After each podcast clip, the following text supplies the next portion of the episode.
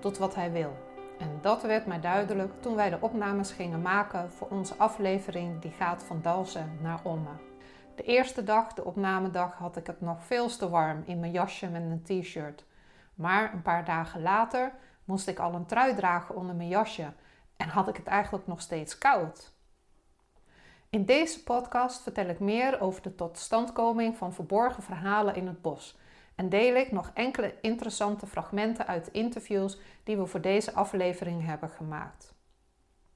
Maar laat ik beginnen bij het begin, de voorbereiding. Ik was erg benieuwd naar hoeveel verhalen ik zou kunnen vinden tussen Dals en Omme die te maken hebben met de oude handel of de handelsgeschiedenis en met internationale connecties. Ik had niet heel veel verwachtingen, want het gebied bestaat toch vooral uit bossen, met in het midden alleen nog het kleine katholieke dorp Vilsteren. Ga ik hier überhaupt wel sporen vinden van oude handel of internationale connecties? Gelukkig had de historische vereniging van Dalsen mij al getipt over het Eikenakkers Maals hout. Een term waarvan ik nog nooit eerder had gehoord voordat ik deze aflevering ging maken. En wat blijkt, Vanaf zo'n beetje de 17e eeuw tot en met de 19e eeuw was er een levendige handel in dun eikenhout. En voor lange tijd werd de boomschors van die eikentakken gebruikt in de leerlooierij. En die schors, als het eenmaal is vermalen, wordt ook wel eek genoemd. Wie de aflevering over Zwolle heeft gezien, weet dat ik tijdens mijn bezoek aan de Bed and Breakfast Pelsentoren al kort aandacht besteedde aan de huidhandel. En in Zwolle vind je nog meer sporen van deze handel. Want denk aan de straat genaamd Eekwal. Hier werd de boomschors gebracht om vervolgens vermalen te worden in de molen de Herstelder. Deze eikenakkers maals hout, uh, wat ik eigenlijk gewoon noem eikentakken of eikenhout, um, zijn takken van ongeveer 9 jaar oud. En dan waren die takken dik genoeg om in de ovens te gaan, om goed te verwarmen en kon ook de schors nog gebruikt worden. Voor de aflevering wilde ik eigenlijk in eerste instantie een leerlooierij bezoeken, die nog op een traditionele manier, dus met eek, leerlooide. Maar vandaag de dag is dat eigenlijk niet meer te vinden. Want ja, dat hele verhaal van de eek is ook eigenlijk in de 19e eeuw afgelopen, omdat toen chemische stoffen kwamen die veel sneller werkten om het leer flexibel en zacht te maken. En ik kon dus, ik heb echt gezocht, niemand in de regio vinden die nog leer op een natuurlijke manier maakte. Inmiddels had lokale historicus Ab Goudbeek, die een heel boek heeft geschreven over deze handel, mij verteld over een aantal mooie oude eikenstolpen op een zandheuvel vlakbij het bedrijf Foreco. Wie van Dalser naar Lemelenveld gaat, komt langs dit bedrijf. Zo ook ik in mijn jeugd. En ik herinner me nog goed de sterke teergeur die er altijd rond het terrein hing. Maar na wat research online leerde ik dat, alhoewel het begon als een bedrijf van de Heidemei in 1968, om uh, vooral het hout te verzamelen dat in Oost-Nederland uh, werd gekweekt, het in 1983 was overgenomen door oud-medewerkers onder leiding van Jan Zwager. En vandaag de dag richt Foreco zich niet alleen op de handel in hout, voor met name de bouw- en wegensector, maar loopt zij ook voorop in het verduurzamen van dennenhout met behulp van de natuurlijke hars, waardoor dat dennenhout de kwaliteit krijgt van een hardhoutproduct. Heel innovatief en interessant. En ook heel erg interessant voor mij om te laten zien hoe weliswaar die oude handel in het eikenhout uh, en die eikenhouten bomen die dan werden geëxploiteerd eigenlijk helemaal is verdwenen. Maar dat er dan toch nog steeds in de omgeving een houthandel is, een houtbedrijf dat op innovatieve wijze eigenlijk uh, ja, de, de handel heeft voortgezet. Ik verheugde me er dus ook op om directeur Klaas-Jan Zwager, de zoon van Jan Zwager, te interviewen. Ik ging naar het interview in de veronderstelling veel te leren over houthandel en om te praten over het duurzaam maken van snel groeiend hout. Maar al gauw merkte ik in het gesprek met Klaas-Jan dat hij vooral ook heel erg enthousiast werd over het duurzaamheidsvraagstuk als het gaat om hout. En in de aflevering vertelt hij heel gedreven bijvoorbeeld over hoe ja, hij vindt dat houtafval niet zo snel de oven in moet, maar dat het nog op heel veel verschillende manieren toegepast kan worden in de handel, in de bouw, in de wegensector. En ja, dat hij eigenlijk vindt dat er te snel naar de optie verbranden wordt gegrepen. Maar wat niet in de aflevering is terechtgekomen, is wat hij daarna nog meer vertelde. Want hij ging nog een stap verder en gaf aan dat hij een groot voorstander is van meer diverse bossen in Nederland. Niet die maisvelden van dennenbomen zoals we die vandaag de dag hebben, maar gewone, echte, mooie, diverse bossen. En dat mag volgens hem dan wel iets meer tijd kosten, maar hij denkt wel dat daarin de toekomst ligt. En dat vond ik toch wel verrassend om een ondernemer in houthandel te horen praten over zijn wens en behoefte aan meer diverse en duurzame bossen. Luister hier nog maar even kort naar zijn verhaal. Ook belangrijk vind, is dat wij ervoor proberen te zorgen dat um, wat de natuur ons biedt, hè, dat, dat we dat zo nuttig mogelijk kunnen aanwenden. Maar dat het ook nog zo is dat we niet de natuur dusdanig proberen te veranderen, zodat uh, nou ja, uh, onze velden, bosvelden eruit zien als maisvelden, zeg maar. Ja. Dat je die, die, die, die biodiversiteit ook uh, omhelst. Ja. En dat je met de biodiversiteit ook weer meerwaarde creëert. En dat is nog wel een, een stap verder.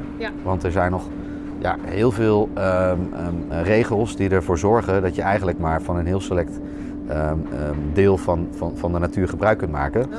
Omdat er heel veel tussen zit wat ja, niet in de standaarden valt. Mm -hmm. En wij proberen er dus voor te zorgen dat ook voor dat soort producten ja, meer toepassingsmogelijkheden. Uh, Als ik je hoor zeggen, bedoel je dan daarmee ook te zeggen van bijvoorbeeld, uh, zoals je hier nog ziet, hè, de oude bossen met alle dennenbomen op een rij, ja. allemaal keurig gestaan. Dat je zegt van nee, bouw dat soort plekken om naar weer meer biodiverse bossen. Ja. En haal daar dingen uit wanneer het rijp is om eruit te halen ja. en plaats het weer terug. Ja, dus... wij, wij, wij proberen dus echt het juiste hout op de juiste plek ja. uh, te, te, te, organiseren. Uh, en daarnaast dus uiteindelijk die diversiteit die het bos ons biedt, om ja. daarmee aan de slag te gaan in plaats van het bos te veranderen, zodat wij onze producten krijgen. Ja. Um, als wij kijken naar een divers bos, dan is dat wel iets moeilijker te verwerken. Ja. Maar is dat uh, wel meer toekomstbestendig, omdat het uh, beter bestand is tegen plagen. Als je nu kijkt naar Duitsland, zijn daar hele bosarealen uh, die ehm, beschadigd zijn door bepaalde insecten, daardoor weg, weggehaald moeten worden. En dat komt ook doordat dat gewoon een heel eenzijdige monocultuur is. Ja. En wij proberen dus echt te zoeken naar uh, ja, een, een, divers palet aan producten, ge, gebouwd of ge, ge, geproduceerd vanuit een biodiverse uh, omgeving. Ja. Ja. Maar dat is wel, dat is wel, er zijn allerlei uh, ja, wetgevingstrajecten en zaken die, die daar tegenstrijdig zijn. En wij proberen dus op basis van onderzoek en ontwikkeling toch daar nou ja, wat richting aan te geven. Maar ja, we moeten ons ook niet te veel voorstellen met uh, die uh, nou ja, uh, tientallen, misschien honderden mensen waar we mee werken. Ja. Met de handel in eikenhakhout en het verhaal van Verrekel in gedachten ben ik gaan onderzoeken wanneer en hoe al die dennenbossen tussen Dals en Omme eigenlijk zijn ontstaan. Want een dennenboom, weten we denk ik allemaal wel, is geen inheems boom voor Nederland. Ik bedoel, ze komen hier niet van nature voor. Ik leerde toen dat deze bomen eind 19e eeuw zijn geplant, zodat men voldoende hout had voor het stuten van de mijnen in Limburg. En al die dennenbossen zijn dus ontstaan omdat wij in Limburg zijn gemijnen naar steenkool. Vandaag de dag kunnen de dennenbossen in Nederland niet meer concurreren met de grote arealen in de Scandinavische en Oost-Europese landen. Veel van de dennenbossen zijn gewoon niet meer rendabel als productiebos. En ik zag ook op mijn wandeling tussen Dalsen naar Omme al enkele stukken omgezet zijn naar berkenbossen. Want berken groeien ook goed op voedingsarme gronden, zoals je die tussen Dalsen en Omme vindt. En dat kwam natuurlijk al van oorsprong voor in Nederland. En zo had ik eigenlijk al een eerste reeks van kleine verhalen voor de aflevering die we gingen maken. Ik wist ook al van tevoren dat ik een internationale connectie ging maken met Café Restaurant Madrid. Niet omdat de eigenaren uit het buitenland afkomstig zijn, maar eigenlijk vanwege het verhaal waarom het Café Restaurant Madrid heet. De vroegere herberg stond namelijk tegenover kasteel Rechteren en het leek volgens de lokale bewoners op een Spaans gebouw en het werd daarom Madrid genoemd. Voor corona trok Café Restaurant Madrid duizenden mensen aan voor een bezoek aan de één op één kopie van de Rembrandts Nachtwacht. Ik vond het een beetje ja, een soort rariteit. Maar toen ik er was, vond ik het vooral ook heel indrukwekkend om in die kleine zaal één groot schilderij te zien die de hele wand bedekte. Het was indrukwekkend. En daaronder, onder het schilderij, stond een klein portret van de schilder. Een doodgewone lokale huisschilder die vlak naast het café-restaurant woonde. Niet alleen had hij een aantal jaren van zijn leven besteed aan het naschilderen van Rembrandt op ware grootte, uiteindelijk moest er ook een heel stuk gevel uit zijn huis gehaald worden, zodat het doek naar buiten gebracht kon worden. En ook al is het er niet de nachtwacht in het echt, het is toch echt wel een knap stukje werk van een amateurschilder. Voor mij een bewijs dat als je je ergens voor inzet, dat je dan een heel eind kunt komen. De volgende bestemming op de route naar Omme was dus Vilsteren. En niet alleen is het een katholieke enclave tussen allerlei protestantse dorpen, maar het dorp ligt op het grondgebied van landgoed Vilsteren.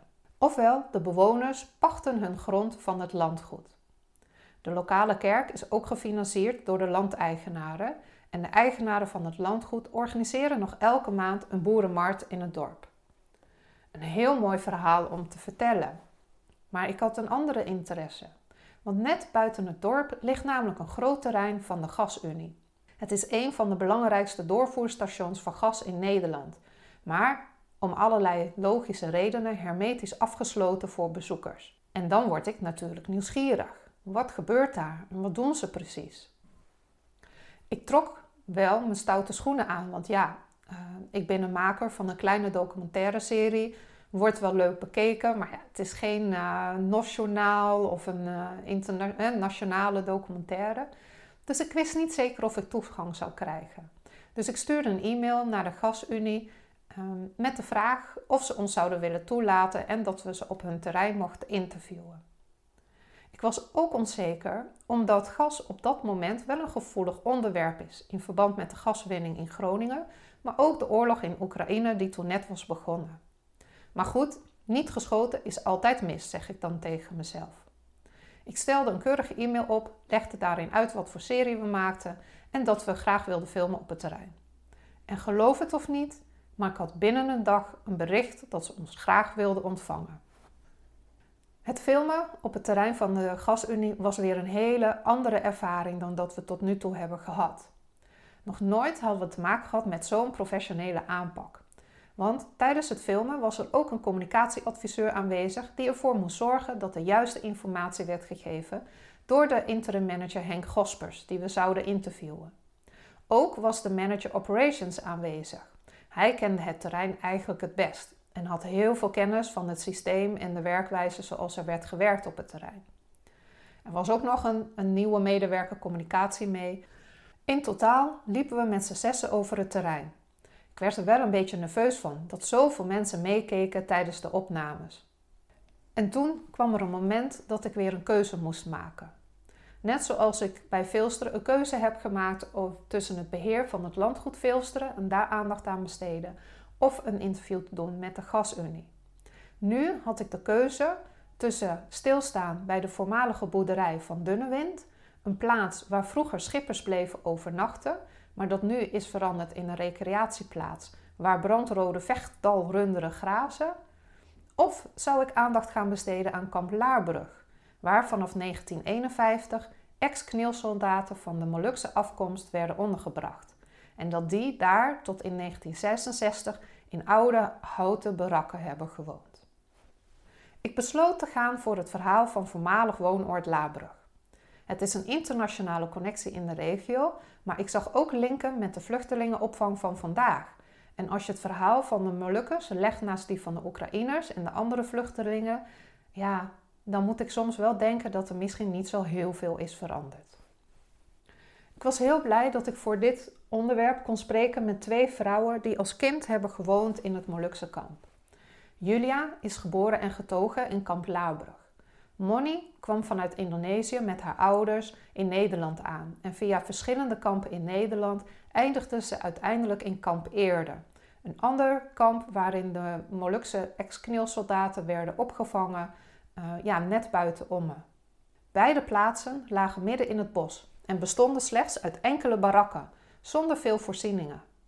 Zowel Julia als Moni vertelden over de goede herinneringen die ze aan het kamp hadden.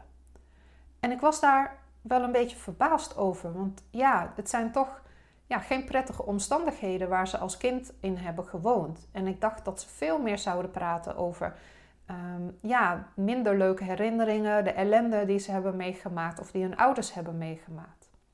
Maar dat viel ja, mee, is misschien een verkeerd woord, maar ik vond dat toch wel opvallend. Maar uiteindelijk vertelt Monnie zeker ook nog wat meer over de minder leuke dingen die ze als kind heeft meegemaakt. Zoals honger, ondervoeding, uitbraken van TBC. En ook haar gezin werd uit elkaar gehaald omdat hun ouders TBC kregen. Een deel van haar broertjes en zusjes werden ondergebracht bij Nederlandse gezinnen in de Randstad. Terwijl ik naar hun verhalen luister, moet ik echt wel denken aan wat vluchtelingen vandaag de dag meemaken. Een van de ja, wat grappige herinneringen die Moni vertelde, was hoe zij als kind krenten plukte van de krentenbomen op landgoed Eerde. Nu ken ik krenten als zijnde gedroogde druiven. Dus ik dacht, huh? vruchten, misschien plukten ze vruchten die leken op krenten. Maar tijdens mijn onderzoek voor de aflevering van Omme naar Marienberg kwam ik tot de ontdekking dat het niet het geval was. Want ik leerde dat inderdaad bij landgoed Eerde Amerikaanse krentenbomen staan. Zo worden ze genoemd. Het zijn kleine bomen waaraan een soort krenten groeien. Toen dacht ik van, oh, het zijn echt krenten geweest. Ik heb haar verhaal niet gebruikt in onze ehm, aflevering, maar misschien is het leuk om even hier naar te luisteren. Wat wij wel heel fijn hebben gevonden in het kamp, is dat je daar een soort grote bosbessen, uh, blauwe bessen, en de struiken, daar gingen wij gewoon plukken. Ja. En dat was gewoon, het, dat maakten onze ouders, als ze nog wat onrijp waren, een soort rujak, soort chutney is dat, hè? wij noemen dat rujak. Ja. En dan als we rijp zijn, nou ja, dan uh, was dat eigenlijk een stuk landgoed wat bij de baron hoorde, van Palland. Oké. En dat, uh, dat, hij kwam toen ook om te zeggen dat het eigenlijk niet de bedoeling was. Jullie Want hadden het waren, te veel van de beste Ja, eigenlijk was het gewoon dat we, we gingen illegaal eigenlijk, ja, maar wat wisten wij als kinderen. Ja. Hè? En uh, onze ouders zeiden, nog ga maar even wat plukken. Nou, en de rij, wat, als ze nog niet rijp waren, dan waren het gewoon van die groene besjes. Nou, er werd een soort chutney gemaakt. Ja. Naarmate ik dichter bij Omme kom, zie ik meer campings en vakantieparken verschijnen. En research vertelde mij dat al in 1903 een reisgids was voor mensen die naar Omme gingen. En dan waren er in de na de oorlog ook nog natuurlijk de ANW kampeercursussen. Daar leerde men niet alleen hoe je een tent opzet, maar ook hoe je je als kampeerder moest gedragen. Een soort etikettencursus dus. De camping waarop deze cursussen werden gehouden bestaat nog steeds. En mede dankzij deze cursussen hebben nog meer mensen kennis gemaakt met Omme als toeristische bestemming. Natuurlijk is er ook natuurlijk scouting. Baron van Palland was een, ja, je zou kunnen zeggen, een hele bekende ommenaar. Hij bezat een, eh, een groot landgoed. En hij heeft samen met enkele andere mensen de scouting naar Nederland gebracht. En op zijn landgoed vele plekken aangeboden waar kinderen en jongeren en volwassenen die actief waren in de scouting naartoe konden gaan op kamp. En ook net voor Omme is er ooit een internationaal leiderskamp gehouden ehm, waar mensen uit de hele wereld naartoe kwamen. Deze baron van Palland heeft er eigenlijk voor gezorgd dat Omme ontzettend op de kaart kwam te staan.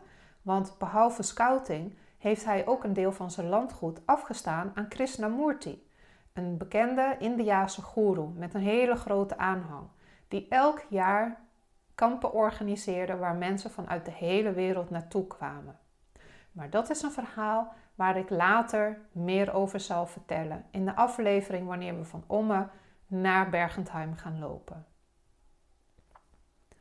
Ik sluit onze aflevering af op het terras van Hotel de Zon, gelegen aan de Vecht, recht tegenover het oude stadscentrum van Omme. Welke bijzondere mensen en verhalen zal ik in deze stad gaan vinden? Een stad waarvan de stadsrechten ouder zijn dan die van Rotterdam en Amsterdam. Tot die aflevering, tot ziens en tot gauw.